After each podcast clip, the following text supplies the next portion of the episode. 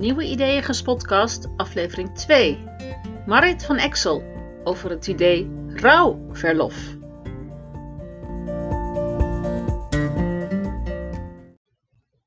In deze aflevering praat ik met Marit van Exel. Ze is een petitie gestart om rouwverlof wettelijk te regelen. Als een gewone burger. En na maanden handtekeningen verzamelen is haar nu gelukt. Ik sprak haar toen dat nog niet zeker was. Start! Ik zit hier met Marit van Exel. Marit, welkom. Wil je jezelf even voorstellen? Nou, ik ben dus Marit en uh, ik ben weduwe. En daarnaast ben ik ook moeder van vier kinderen, waarvan er nog drie in leven zijn. En ik help dus, naar aanleiding van mijn eigen ervaringen, weduwen en weduwnaars, met het weer oppakken van de draad van hun leven. Ja, dus je, zit, je hebt jezelf uh, als professional in, in de wereld van rouw uh, ontwikkeld. En um, hoe is het idee voor rouwverlof, want daar gaan we het over hebben vandaag, bij jou ontstaan? Nou, ik heb een boek geschreven dat heet Survival Gids voor Weduwen. En dat eindigt ook met een pleidooi voor rouwverlof. Want al schrijven in het boek kwam ik eraan tegen dat er zoveel aspecten zijn bij het overlijden van je partner en waar eigenlijk vrijwel geen aandacht voor is. En toen ik dat alles zo aan het eind zo op een rijtje zag uh, staan, toen dacht ik, wat gek eigenlijk. Er is van alles geregeld bij gezinsuitbreiding. Je hebt uh, zwangerschapsverlof, bevallingsverlof, ouderschapsverlof. Je hebt vaderschapsverlof. Je hebt... Uh, adoptie? Adoptie allemaal. Je hebt zwangerschapscursussen, kraamhulp, allerlei cursussen. Noem het allemaal maar op. de, de zwangerschap en de bevalling is bij elkaar 16 weken. En toen ik me bedacht, wat gebeurt er bij rouw? Helemaal niets. Terwijl de impact van rouw, het verlies van je partner, nog vele malen groter is dan bij de gezinsuitbreiding. En ik dacht, nou, dit is zo krom, dit is ook gewoon niet uit te leggen, dit is zo onrechtvaardig en eigenlijk ook oneerlijk. Ze laten gewoon de weduwe en weduwnaars in de kou staan. Dat ik dacht, ja, daar moet gewoon aandacht voor komen. En Helder. ja. Dus je schreef dat boek en je eindigt met dat pleidooi. Ja, en het is echt het laatste hoofdstuk van mijn boek. Ja, en heb je daar al iets mee gedaan? Heb je dat al naar Den Haag gestuurd? Of, uh... Nou, toevallig is het zo. Ik had het in eerste instantie dat gepost op uh, LinkedIn. En toen kwam iemand met het idee van, joh, start een petitie. En toen dacht ik, oh ja, prima, kan ik wel doen. Ik start gewoon een petitie. En terwijl ik daarmee bezig was, dacht ik, oké, maar als ik dan een petitie heb, wat ga je er dan verder mee doen? Hoe werkt dan die procedure naar Den Haag? En het is zo dat een petitie, die moet iemand wel in ontvangst nemen, maar die kan bij wijze van spreken daarna meteen in de shredder doen. En wil echt? echt, ja, er moet misschien een reactie op komen en that's it. Maar en wie moet hem in ontvangst nemen? Meestal is het dan wel een Tweede Kamerlid. Een volksvertegenwoordiger, ja. En als je wil dat die uh, petitie echt impact heeft, dat het ook behandeld gaat worden in de Tweede Kamer, dan heb je een burgerinitiatief nodig. En dan heb je minimaal 40.000 handtekeningen nodig. Nou, ik zit er nu net boven de 14.000, 14.016 toen ik er net keek. Dus ik ben erover gaan posten, want ik denk, ja, ik moet die handtekeningen gaan verzamelen. Wat wel grappig is, dat uh, twee jaar terug heeft GroenLinks samen met de SGP die hebben een voorstel voor rouwverlof ingediend, maar die was nog vrij breed getrokken hè, voor allerlei vormen van overlijden, van ook hè, in de eerste graad of de tweede graad. En ik beperk het nu echt even binnen het gezin, dus ook bij het overlijden van je kind. En via die LinkedIn-post, uh, toen heeft op een gegeven moment iemand van de SGP, een partijmedewerker, heb ik vorige week donderdag mee zitten bellen om te kijken van ja, hè, wat, wat kunnen we nou doen met het rouwverlof? Ik heb contact gehad met CNV. Wacht, wacht, wacht, wacht even. Er is in het verleden al een, een, een wat? Een ideetje? Een er zijn kamervragen gesteld. Dat is uh, initiatief geweest van GroenLinks en SGP. Ja. Uh, dan hebben ze kamervragen gesteld aan minister Koolmees. Die heeft er antwoorden op gegeven. En vervolgens is het eigenlijk, ja, Punt. van de dus- agenda verdwenen. Oké, oké. dat was dus, iemand heeft er ooit zich een keer ergens druk over gemaakt en toen kwam jij. En toen kwam ik en dat ik dacht van nou, ik vind dit zo belangrijk, ik ga het gewoon nog een keer, ja, zeg maar, de eter in gooien. Ja, en, een petitie is dus iets wat geen minimum hoeft te hebben. eh, mag je elk moment stoppen en zeggen: Ik ga ze nu overhandigen. Ja. Maar jij wil naar een, een plafond toe, dat heet 40.000. En dat heet burgerinitiatief. Ja. En wat, wat zijn dan je rechten als je dat indient? Dan moet het onderwerp in de Tweede Kamer behandeld worden. En ik weet het niet zeker, maar ik heb zelfs gehoord dat je dan zelfs spreekrecht zou krijgen in Ja. de Tweede Kamer. Nou, daar moet ik nog even niet aan denken hoor. Dat is Lijkt nog wel, wel. even ver vooruit. ja, ik doe, ik doe En er altijd niet-. Er mag altijd, dat hoeft niet per se meer mensen. eh het Ja, mag één starter zijn. Ja, misschien dat ik er een paar mensen erbij krijg die, eh, die Ja. het erbij willen gaan doen. En Ja, hoe lang duurt zo'n agendapunt? Weet je dat?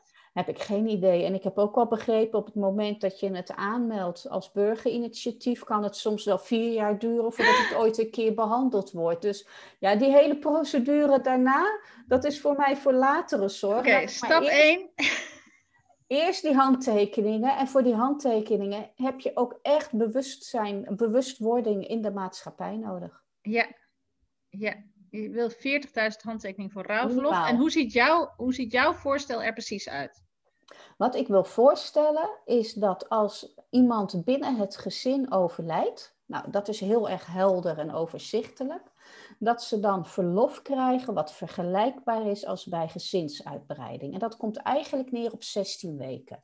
En binnen die 16 weken kan je gewoon maatwerk leveren. Heeft iemand rust nodig, mag die rusten, die kan naar de notaris en weet ik veel gaan om allerlei zaken te regelen. Wil iemand al eerder wat naar het werk toe, om daar wat dingetjes te doen, is dat ook mogelijk. Maar ik denk echt, je zit na het overlijden binnen het gezin, dan heb je echt zo'n gigantische stresssituatie. Die impact is zo gigantisch. Ik denk dat als de druk van de ketel is, ben ik wel ziek, ben ik niet ziek, kan je wel werken, kan je niet werken. Sommige werkgevers die zijn gewoon ontiegelijk bot en die verwachten dat je de maandag na de uitvaart alweer kan komen werken. Al die discussies, die druk, die heb je niet. Het is helder en duidelijk voor alle partijen. Je bent niet afhankelijk van een willekeurige werkgever. Je bent niet af- afhankelijk van een willekeurige bedrijfsarts. En het mooie is, vind ik ook, het moet betaald worden door UWV. Want werkgevers willen misschien wel, maar die vragen zich af, waar leg je de grens en wie gaat het betalen? Ja. Dus een regeling vergelijkbaar met gezinsuitbreiding. Ja. En jij spreekt natuurlijk veel mensen in de rouw, want het is inmiddels je werk. Wat Ja. voor reacties krijg je op dit idee van jou? Ze vinden het fantastisch idee en dat er echt aandacht voor moet komen. Zelfs de mensen die een hele fijne werkgever hebben gehad destijds. Hè, die, die, hè, sommige mensen komen bij me omdat ze toch moeite hebben met de emoties en alles. Er zijn genoeg mensen die hele fijne werkgever hebben en die zich daar echt wel door gesteund worden. Maar ze beseffen ook van, hé, hey, ik heb geluk gehad. Er zijn nog genoeg mensen die niet zo'n begripvolle werkgever hebben en al meteen heel veel van mij verwachten. Ja. Ja. En je hebt een gesprek gehad met een Kamerlid, zeg je? Nee, het is geen? Kamerlid. Het is een Oh. medewerker. Een, ja, of een, een, Een eerste ingangetje. een eerste ingangetje is een, een partijmedewerker, toevallig van het SGP. Daar heb ik contact mee gehad. Ja. Ja. En hoe verliep dat? Dat verliep eigenlijk wel heel erg leuk. Dat was echt een leuk gesprek, dat we echt een beetje konden sparren. En ik had een aantal suggesties, dat hij dacht van, oh, dat zijn echt wel goede suggesties. Hè? Die, die, ik had het idee dat hij die in gedachten aan het opschrijven was. Het was best wel veel, dus het moest ook nog bezinken. Ik word niet gehinderd door enige politiek eh, agenda's en hoe je dat, al die samenwerking, hoe je dat moet doen. En ik merk ja. wel dat ik een hele andere aanvliegroute heb naar eh rouwverlof. Zij willen zeg maar rouwverlof bijvoorbeeld ook hè, in de eerste graad. Dus dat betekent ook je oude moeder van 80, 90 die door ouderdom overlijdt. Daar, ze willen wat, voor wat dat betreft wat meer een generieke regeling doen en voorzichtig beginnen. Terwijl mijn eh, aanvliegroute is, ik wil het gewoon rouwverlof binnen het gezin. Dat is duidelijk overzichtelijk. En strak zetten tegenover gezinsuitbreiding. En je merkt dat mensen heel veel denken van, goh, ik heb daar nog nooit bij stilgestaan. Ja, gek eigenlijk. Ja, het tegenovergestelde van gezin- gezinsuitbreiding. Ja,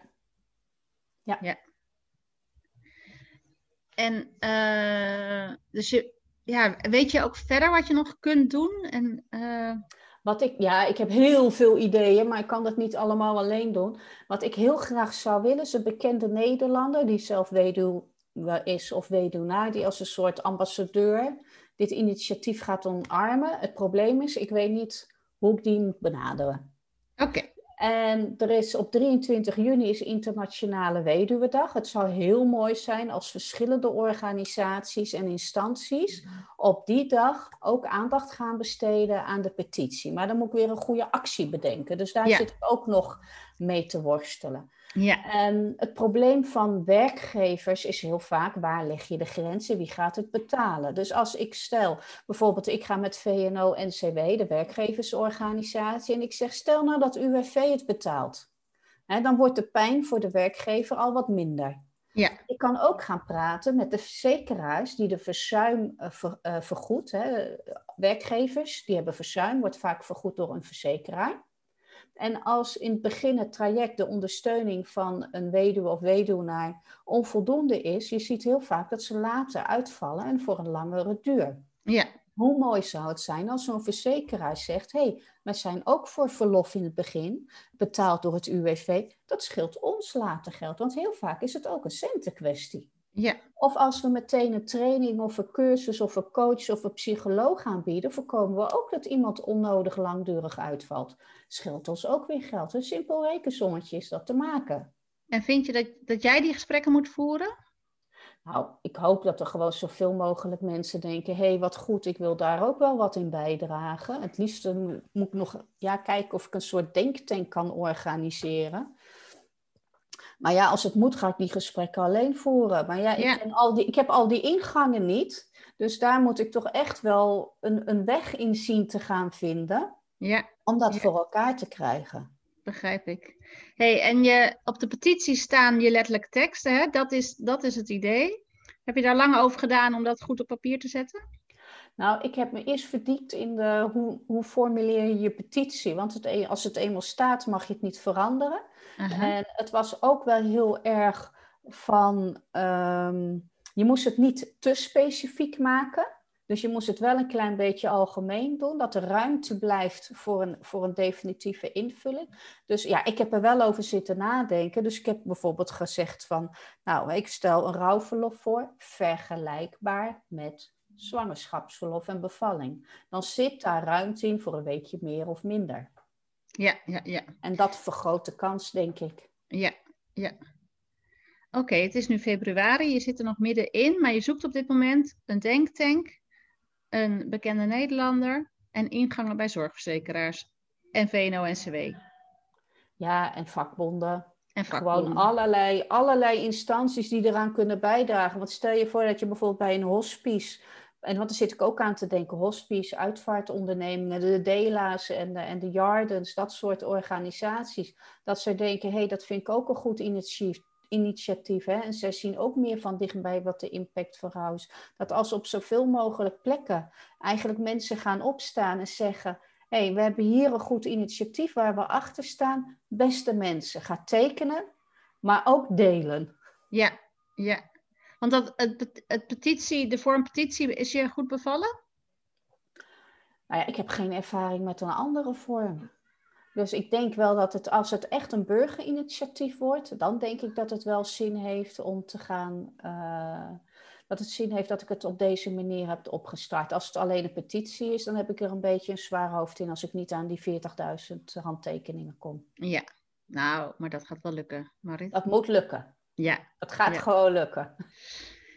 Ehm, heb jij nog een tip voor luisteraars die ook met een bijzonder idee rondlopen? Nou, soms moet je maar gewoon gaan beginnen. Je kan wel even een stip op de horizon hebben van, nou, dat wil ik bereiken. En soms moet je maar gewoon gaan beginnen. Want als ik naar mijzelf kijk, dan denk ik, alles wat ik tot nog toe heb gedaan. Oh, er staat iemand voor de deur. Maar alles wat ik tot nog toe heb gedaan. En eh, als ik van tevoren een heel uitgewerkt plan had gehad, hoe dat zou moeten, nou, dan was ik echt er niet aan begonnen. Dus voor mij is echt de aanpak, ga maar gewoon beginnen en doe het stapje voor stapje. En dat geeft ook de ruimte om bij te sturen.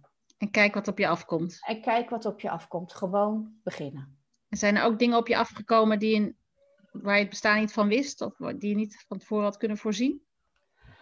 Ehm, in het kader van de petitie, uh, het valt me een klein beetje tegen hoe moeilijk het is om die handtekeningen te verzamelen. Er zijn wel mensen die uh, het een goed idee vinden. ik had op een gegeven moment een post, er zijn gewoon inmiddels al meer dan 160.000 views op een bepaalde post. Dan denk ik, als al die mensen gewoon even hadden getekend, dan was ik er al lang. Dus ergens zit er toch nog iets dat mensen ofwel denken het is een goed idee, of misschien nog denken het is geen goed idee, maar de stap zetten naar daadwerkelijk ondertekenen en het ook nog te delen, hè, want alleen ondertekenen, mijn bereik is beperkt. Maar als iedereen die tekent het ook weer uitzet, dan krijg je zo'n olievlek. En ik heb me daarop verkeken. Ik dacht, dat zal wel wat makkelijker gaan. Hmm. Dus ik moet continu de publiciteit opzoeken. Ik moet continu de post blijven schrijven. Ik moet er continu bovenop zitten. Daar heb ik me wel echt op verkeken. Ja, ja, ja, begrijp ik. Ja. Dus gewoon doen, maar niet onderschatten hoeveel werk uh, het is. Ja, soms moet je ook niet weten hoeveel werk het nee, is. Nee. Maar het is wel een kwestie van een lange adem soms. Ja. Hey, dus waar vinden meer mensen meer informatie over jou en waar, waar kunnen ze tekenen? Ze kunnen meer informatie vinden op mijn website uh, maritvanexel.nl. Daar heb ik ook een aparte pagina gemaakt over de petitie met een doorkliklink naar de petitie. Maar als ze rechtstreeks naar de petitie willen, kunnen ze naar petities met een S op het eind, petities.nl. Zoekwoord rouwverlof en dan komt hij naar boven. En dan kunnen ze rechtstreeks tekenen. Heel fijn. Dankjewel Marit en heel veel succes. Ja, dankjewel. Graag gedaan. Dit was de tweede aflevering van de Nieuwe Ideeën Gespotcast. Abonneer je op de podcast om geen aflevering te missen.